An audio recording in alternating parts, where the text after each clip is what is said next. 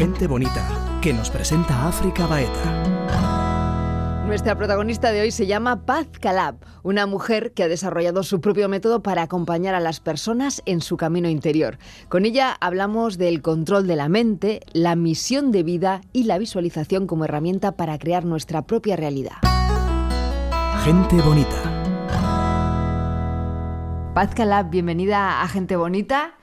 No sé si sabrías definir qué eres o quién eres. Tú siempre sueles decir que, es difícil definirlo porque estamos en constante evolución, pero ¿qué pasó en tu vida para que algo hiciera un clic ¿no? y, se, se, produjera esa transformación personal hacia tu propio mundo interior? ¿Qué es lo que sucedió? Yo teniéndolo todo no disfrutaba de las cosas intensamente, empecé a hacerme preguntas, no me encontré bien, pedí ayuda y ahí hubo un cambio en mí en el sentido de que pues empecé una terapia psicológica, pedí ayuda a una coach, hice todas las terapias eh, técnicas y de todo lo que te puedes imaginar a nivel eh, psicológico, terapéutico, eh, coaching y, y, todo lo que se ponía por delante de mí.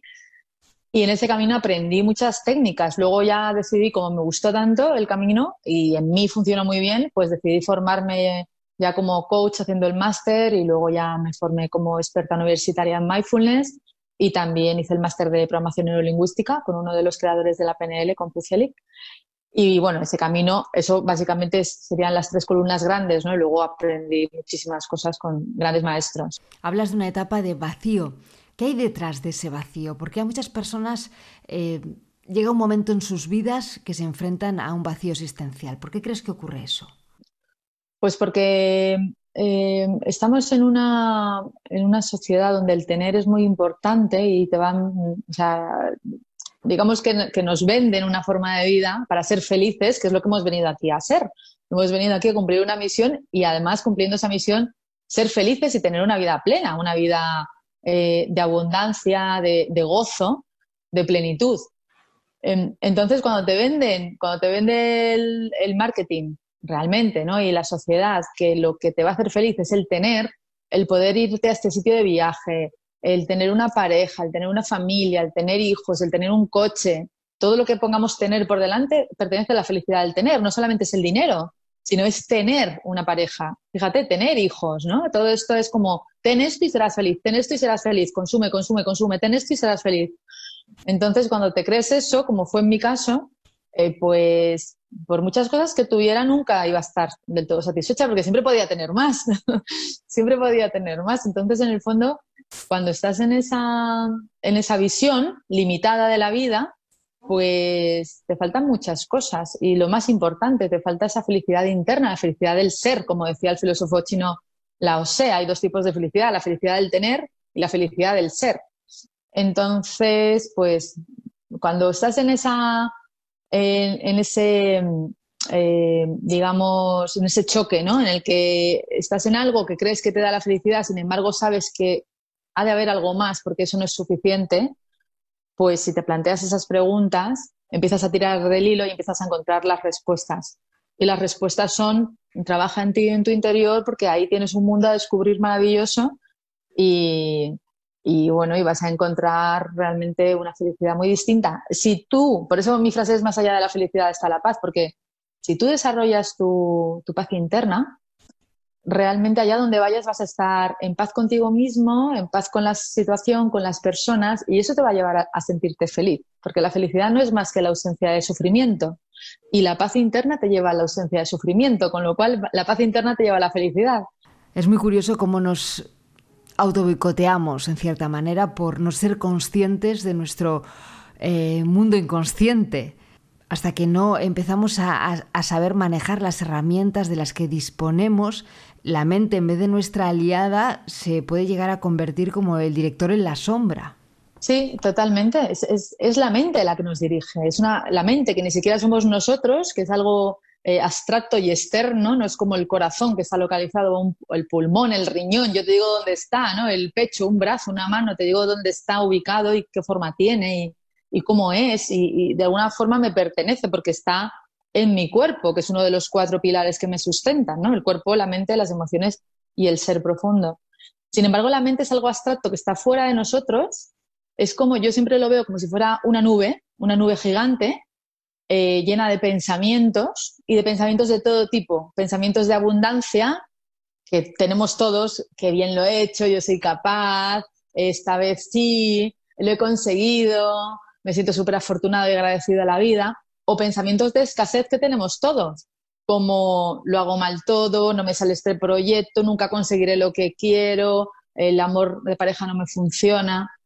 Entonces, esa nube que está ahí en el cielo, que es como yo lo veo, eh, tú te enganchas a unos pensamientos optimistas y de abundancia, a unos pensamientos escasos, según el, tu estado energético, según el estado en el que tú estés.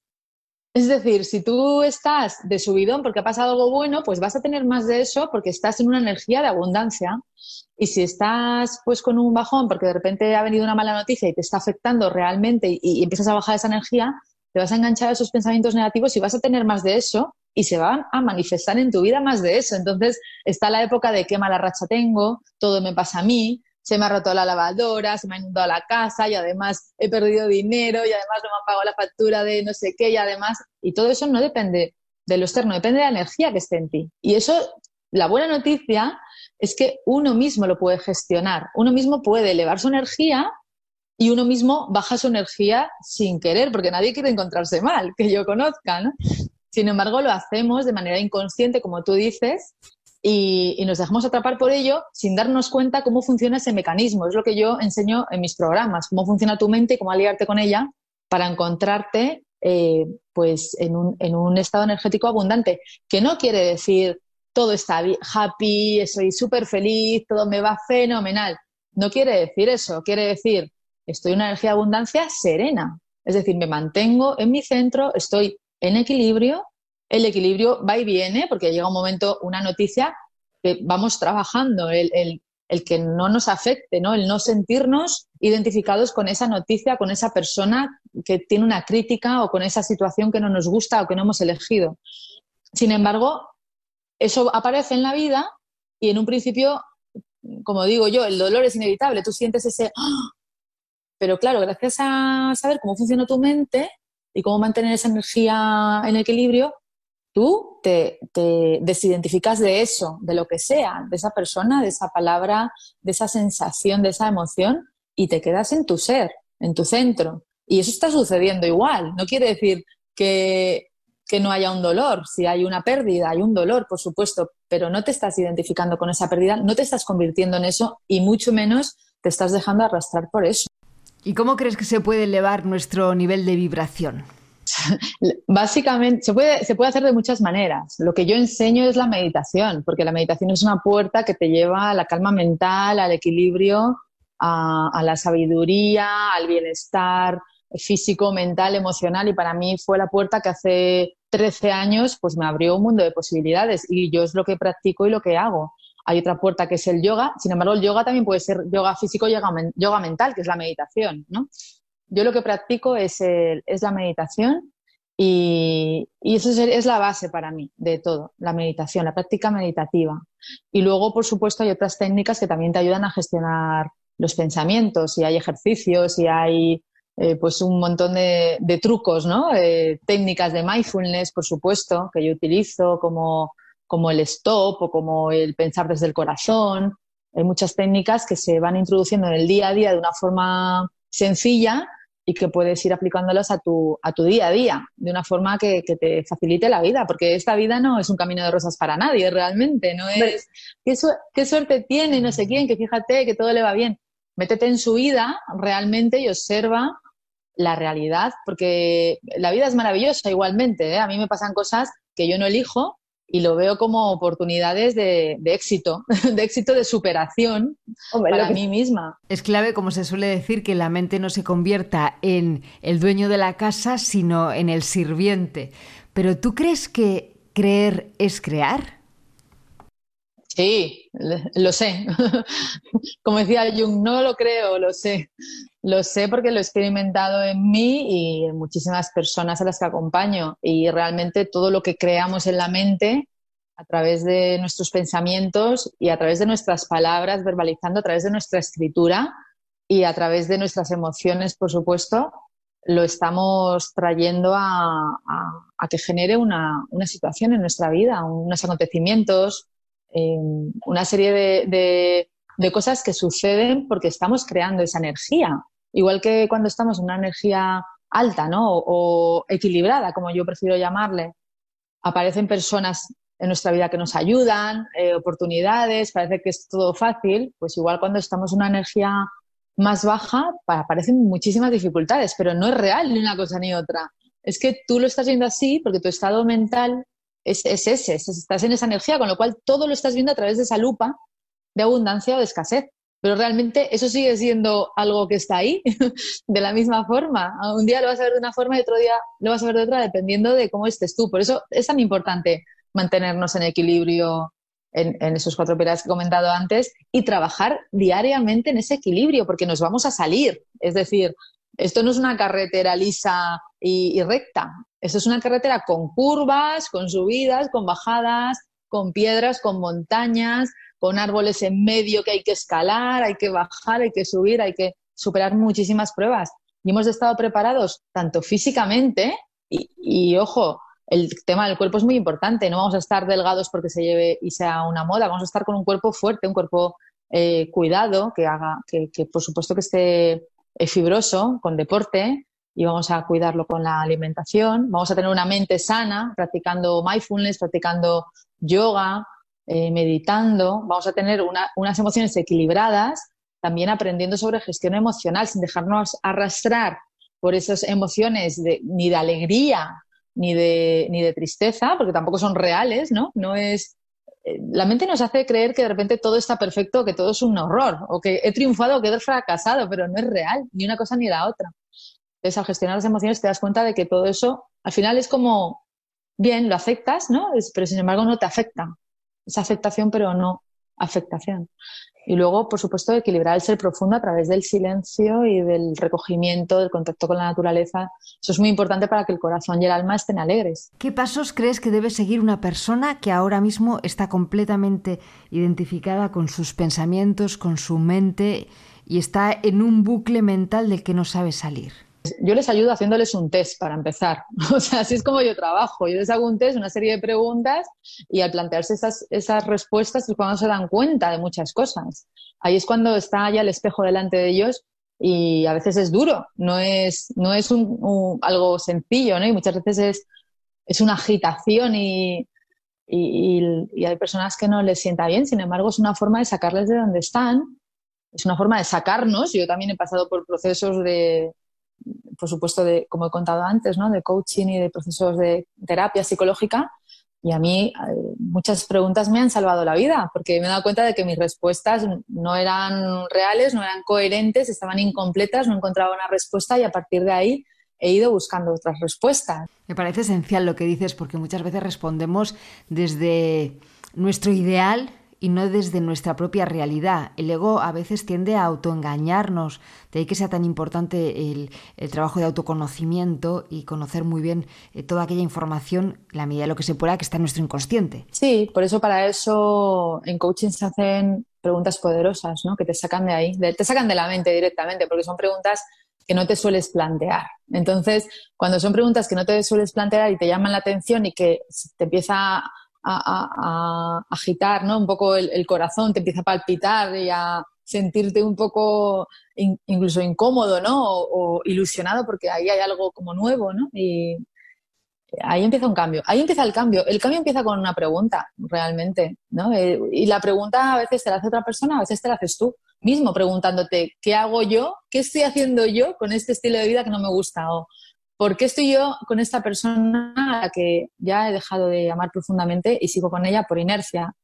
Y esas preguntas a veces son duras de contestar, eh, pero sin embargo hay un momento que esa pregunta pues te pone en movimiento, ¿no? Y dices, bueno, pues ya voy a cambiar esto, voy a hacer algo para, para mejorar esta situación o para hacer un cambio, porque no, la vida se va. es que la vida, es que esta vida, está, está, en la que estamos tú y yo aquí ahora mismo, África, es una oportunidad. Luego ya, que hay otras vidas, sería otro tema para otra entrevista, pero esta, desde luego, es una. Esta con este cuerpo, con esta mente, con este escenario, esta es una. Y se va, y es que se va, y aparte no sabemos cuándo se va. Tenemos que, que vivir conscientes de la muerte. Esa es la mayor inconsciencia que tenemos, que no observamos la muerte en ningún momento cuando la muerte está en nuestro hombro izquierdo constantemente, aquí esperando, como si fuera un pajarito posado, esperando a que llegue el momento. Y nosotros ignorantes, que no sabemos cuándo es, vivimos como si fuéramos a ser eternos, perdiendo el tiempo con cosas que no nos gusta hacer, con personas con las que no nos gusta estar eh, y, bueno, pues estando en un sufrimiento, porque realmente estamos ahí muchas veces. Háblame de la inteligencia universal, esa que, igual empieza a brotar en cada uno de nosotros cuando las voces internas se acallan y empieza a coger cada vez más fuerza la intuición. Por supuesto, es la inteligencia natural, la que tenemos todos. La intuición es la inteligencia natural de, las, de la que estamos muy desconectados porque estamos en la mente, entonces no dejamos, no dejamos que florezca esa inteligencia natural. Y esa inteligencia es maravillosa porque la tenemos de, una forma natural, valga, valga la redundancia, cuando nacemos y, podemos ir desarrollándola, pero de repente la capamos por esas creencias que llevamos arrastrando y que no, terminamos de, trabajar. Sin embargo, cuando empezamos un camino nuevo de desarrollo personal y empezamos a, cambiar creencias, a empezar a, ver algo más allá de los sentidos, a conectarnos con nuestro ser profundo, esa intuición, esa inteligencia natural despierta y, empezamos a ver un mundo nuevo. Y entonces es cuando se llama también una parte ¿no? del despertar que dices, ¿yo dónde estaba? Que no estaba viendo esto, que no estaba viviendo esto, que no estaba sintiendo esto. Eso es la conexión con la vida realmente, es la conexión con, con tu ser profundo, con tu divinidad, como lo quieras llamar, como te suene mejor, con tu verdad, con tu, con tu inteligencia natural. Es que el primer paso mm, para mí hacia la libertad, en mayúsculas, es cuando empiezas a descubrir todas esas creencias, patrones, que tienes instalados en tu subconsciente y que limitan mucho tu, mirada de la realidad. Realmente vemos lo que somos, son proyecciones constantes de, todas esas creencias instaladas en nosotros mismos. Sí, claro, ahí se abre el panorama y además es que empiezas a descubrir cosas que no, que no podías, no eras capaz de ver porque te estaba, estabas así, como tú dices, ¿no? como los burros, ¿no? Como los burros, estabas viendo eh, a un metro. En cambio, la vida no es a un metro, la vida es el infinito. Miras el mar o miras el cielo y no hay fin. Y ese no fin es el mismo que eres tú. O sea, tú no tienes fin. Tú, tú yo, todas las personas, ¿no? Somos seres creativos sin fin. Podemos hacer de nuestra vida una obra de arte si realmente nos empeñamos en ello.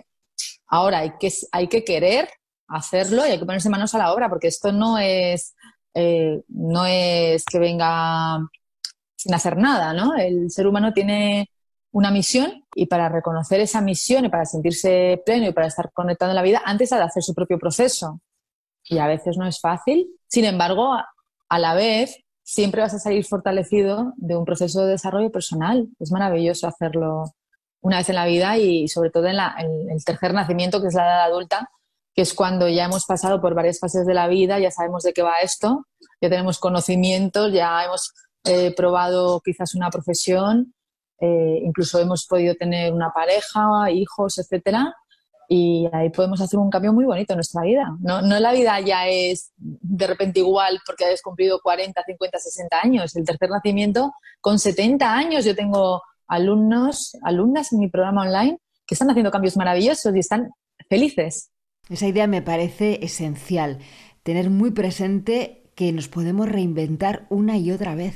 Yo el otro día hablaba con una experta en numerología y, me decía, Paz, lo que las personas no saben es que la misión de la vida la encontraremos entre los 49 y los 51 años. O sea, que yo no he llegado, te lo digo, África. Yo tengo, yo tengo una misión ahora mismo que para mí es transparente, es clara, sin embargo, sé que hay una misión mucho más grande por encima de esta que yo ahora mismo no puedo ver, porque no estoy en el momento de verlo. Dos cosas, Paz. Eh, ¿Por qué es, en esa franja de edad cuando descubres la misión de tu vida? ¿Y cómo sabes que es la misión de tu vida? Me imagino que tiene que ver mucho porque es ahí donde vibras, ¿no? Ahí donde tu corazón baila. Sí, pero esa, esa es una parte de tu misión, no es tu misión. Fíjate, o sea, yo lo comprendí a ver, esto yo te lo cuento así, pero tendrías que hablar con, personas expertas en numerología para que te indicaran exactamente por qué es esa franja de edad. yo te lo puedo contar con mis palabras, pero de una forma súper superficial porque yo no soy experta en numerología. Pero bueno, el dato interesante es que es así, es el que yo traigo aquí hoy, ¿vale? Que nadie se preocupe si con 45 años no ha encontrado su misión porque no ha llegado el momento de encontrarlo. Y a mí eso me dio muchísima tranquilidad, no solo por mí, porque yo estoy encantada y feliz con, con lo que hago ahora, con, con la familia que tengo, con la pareja que tengo, con todo. Realmente yo he ido tejiendo una vida que para mí es es eh, estar dibujando algo que realmente amo en todos los campos de mi vida y estoy empeñada en, hacerlo así. Eh, sin embargo, sé que hay una misión más grande aún para mí que no soy capaz de ver ahora, que tiene que ver con este camino ya, por supuesto, pero bueno, ya te lo contaré cuando llegue allí. Te diré, pues fíjate, África, lo que he descubierto ahora que no te lo puedes imaginar. Por ejemplo, yo cada vez hago más cosas con mi voz. Cada vez ahora he lanzado un podcast que se llama Medita con Paz hace un mes y medio, que se ha puesto número uno en, España y en un montón de países latinoamericanos. Y, esta persona precisamente me decía, ellos lo que hacen es hacerte un estudio numerológico a través de tu nombre, tus apellidos y tu fecha de nacimiento completa. Y decía, es que tú eres este número y tú has venido aquí a, ayudar a sanar con tu voz. Y, bueno, y el tema de la voz siempre ha estado ahí y sin embargo tiene sentido por como yo estoy planteándome los nuevos proyectos también. Entonces, claro, esto de repente igual descubro dentro de cinco años o de, un tiempo que, la energía de la voz tiene, que bueno, que ya lo sé, ¿no? Pero tiene una vibración sanadora, por supuesto, ¿no? Pero igual investigo más por ahí y me convierto en, dejo todo lo demás y me convierto en sanadora de voz, ¿entiendes? Por eso a lo mejor esa misión de la vida, que no la hemos descubierto hasta que llegamos a esa edad, eh, aunque estemos haciendo algo que nos encante, aunque estemos eh, totalmente conectados con lo que estemos haciendo, incluso eso no es, nuestra, no es nuestra misión. O sea, para mí mi misión ahora mismo es mi escuela online, quieropaz.com, donde ayudo a personas de, más de 15 países hispanoparlantes, alumnos de, muchísimas partes del mundo. Y para mí ahora mismo esa es mi misión, pero sin embargo, hay algo más allá de eso. Hombre, lo que está claro y, es precioso verlo es como la, vida se va aliando con nosotros, ¿no? Como si, sabemos observar, la vida te va colocando siempre donde tienes que estar, te va mostrando cuál es el siguiente paso y todo fluye, siempre que no lo interrumpamos con, nuestros pensamientos y nuestras inseguridades que muchas veces se manifiestan a través de, la mente, ¿no? En el sentir creo que hay muchas respuestas. Una pregunta más, eh, Paz. Cuéntanos cómo es la técnica de visualización, cómo tenemos que hacer correctamente una técnica de visualización. Sí, yo, yo doy una pista que es muy fácil, que es como si hubiera pasado ayer. Es decir, tú estás recordando lo que deseas. Tú estás recordando, si quieres eh, un amor de pareja, tú estás recordando ya lo bien que lo pasaste ayer en esa cena, con esa persona, la conversación, lo que sentiste, estás recreándote en ello, como si hubiera pasado ayer. Si quieres un cambio de trabajo y quieres un trabajo, me lo invento, más creativo, en una eh, oficina súper moderna, pues ya estás observando cómo ayer estuviste en esa oficina con tus compañeros, cómo fue tu trabajo. Es como si hubiera pasado ayer y lo estás creando tanto a nivel mental, es decir, hay, dos prácticas. Una práctica formal de visualización que es sentarte, tumbarte a visualizar con los ojos cerrados, tú estás creando las imágenes en tu mente y a la vez estás creando la emoción en tu cuerpo, porque eso es la unión de las imágenes y la emoción es lo que hace que, que esa vibración llega a un campo cuántico y se manifiesta aquí en el mundo de las formas. Eso es la práctica formal y luego en la práctica no formal, en tu día a día, has de comportarte como si eso ya estuviera y ser feliz con lo que hay, aunque no esté lo que deseas, porque ese es el reto y ahí es donde falla mucha gente, ahí es donde fallan muchísimas personas, ahí es donde donde dicen las personas, es que no me funciona la visualización. Y cuando yo empiezo a preguntarles, ¿pero qué haces? ¿Cómo lo haces tal? Veo ahí que están ahí los fallos principales. Por eso, por hacer un, un resumen, ¿no? dar unas pautas para visualizar, estas serían las pautas para mí más importantes, que son donde fallan más las personas. Se olvidan luego en el día a día de comportarse. Si tú quieres ser una escritora de éxito, tú no tienes que ser número uno de ventas tú has de comportarte ya como una escritora de éxito y ponerte a escribir tu libro como si ya estuviera vendido y ya fuera un éxito, porque esa vibración es la que va a crear que luego, luego suceda. Y luego desapegarte del resultado y seguir comportándote como una escritora de éxito. Es como si estuvieras arruinada y, y te vistieras de gala para irte a una fiesta. ¿Sabes? En realidad, esa es tu fiesta.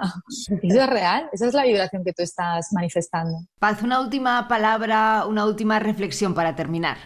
que disfrutemos todos de la vida, que esta vida es muy bonita y a veces parece muy loca y muy injusta y a la vez nos damos cuenta cuando pasa el tiempo que todo lo que pasó tenía un sentido y tenía una misión.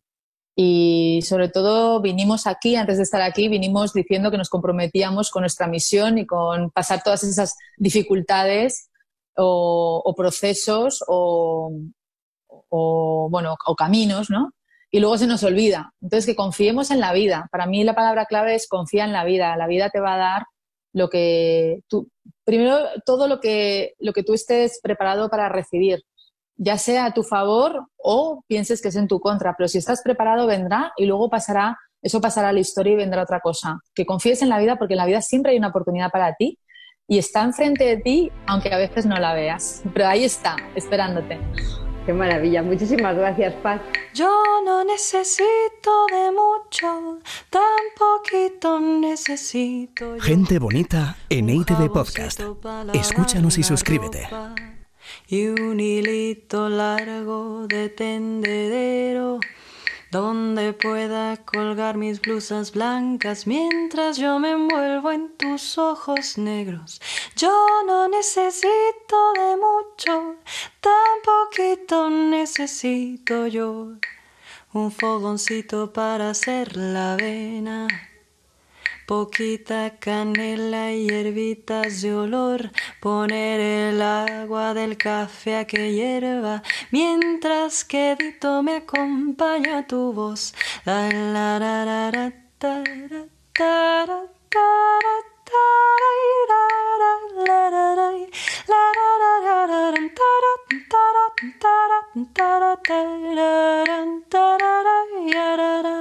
Realmente es tan poco lo que preciso. A materiales nunca tuve afición. No se extrañe usted cuando le explico que la mía es otro tipo de ambición, pero no me crea voy a demostrarle con la siguiente ejemplificación. Solo preciso dos palitos para marcar la clave. Alguien que me inspire y un chorrito de voz. Yo no necesito de mucho, tan poquito necesito yo. Un abrigo para cuando haga viento, manzanilla y miel para endulzar el té un reloj que me ayude a estar a tiempo y a despertar temprano para irte a ver. Yo no necesito de mucho, tan poquito necesito yo. Algunas flores para adornar mi hogar y un caldito pa' cuando me sienta mal, dos copitas de vino pa' brindar y jicaritas pa' cuando haya mezcal.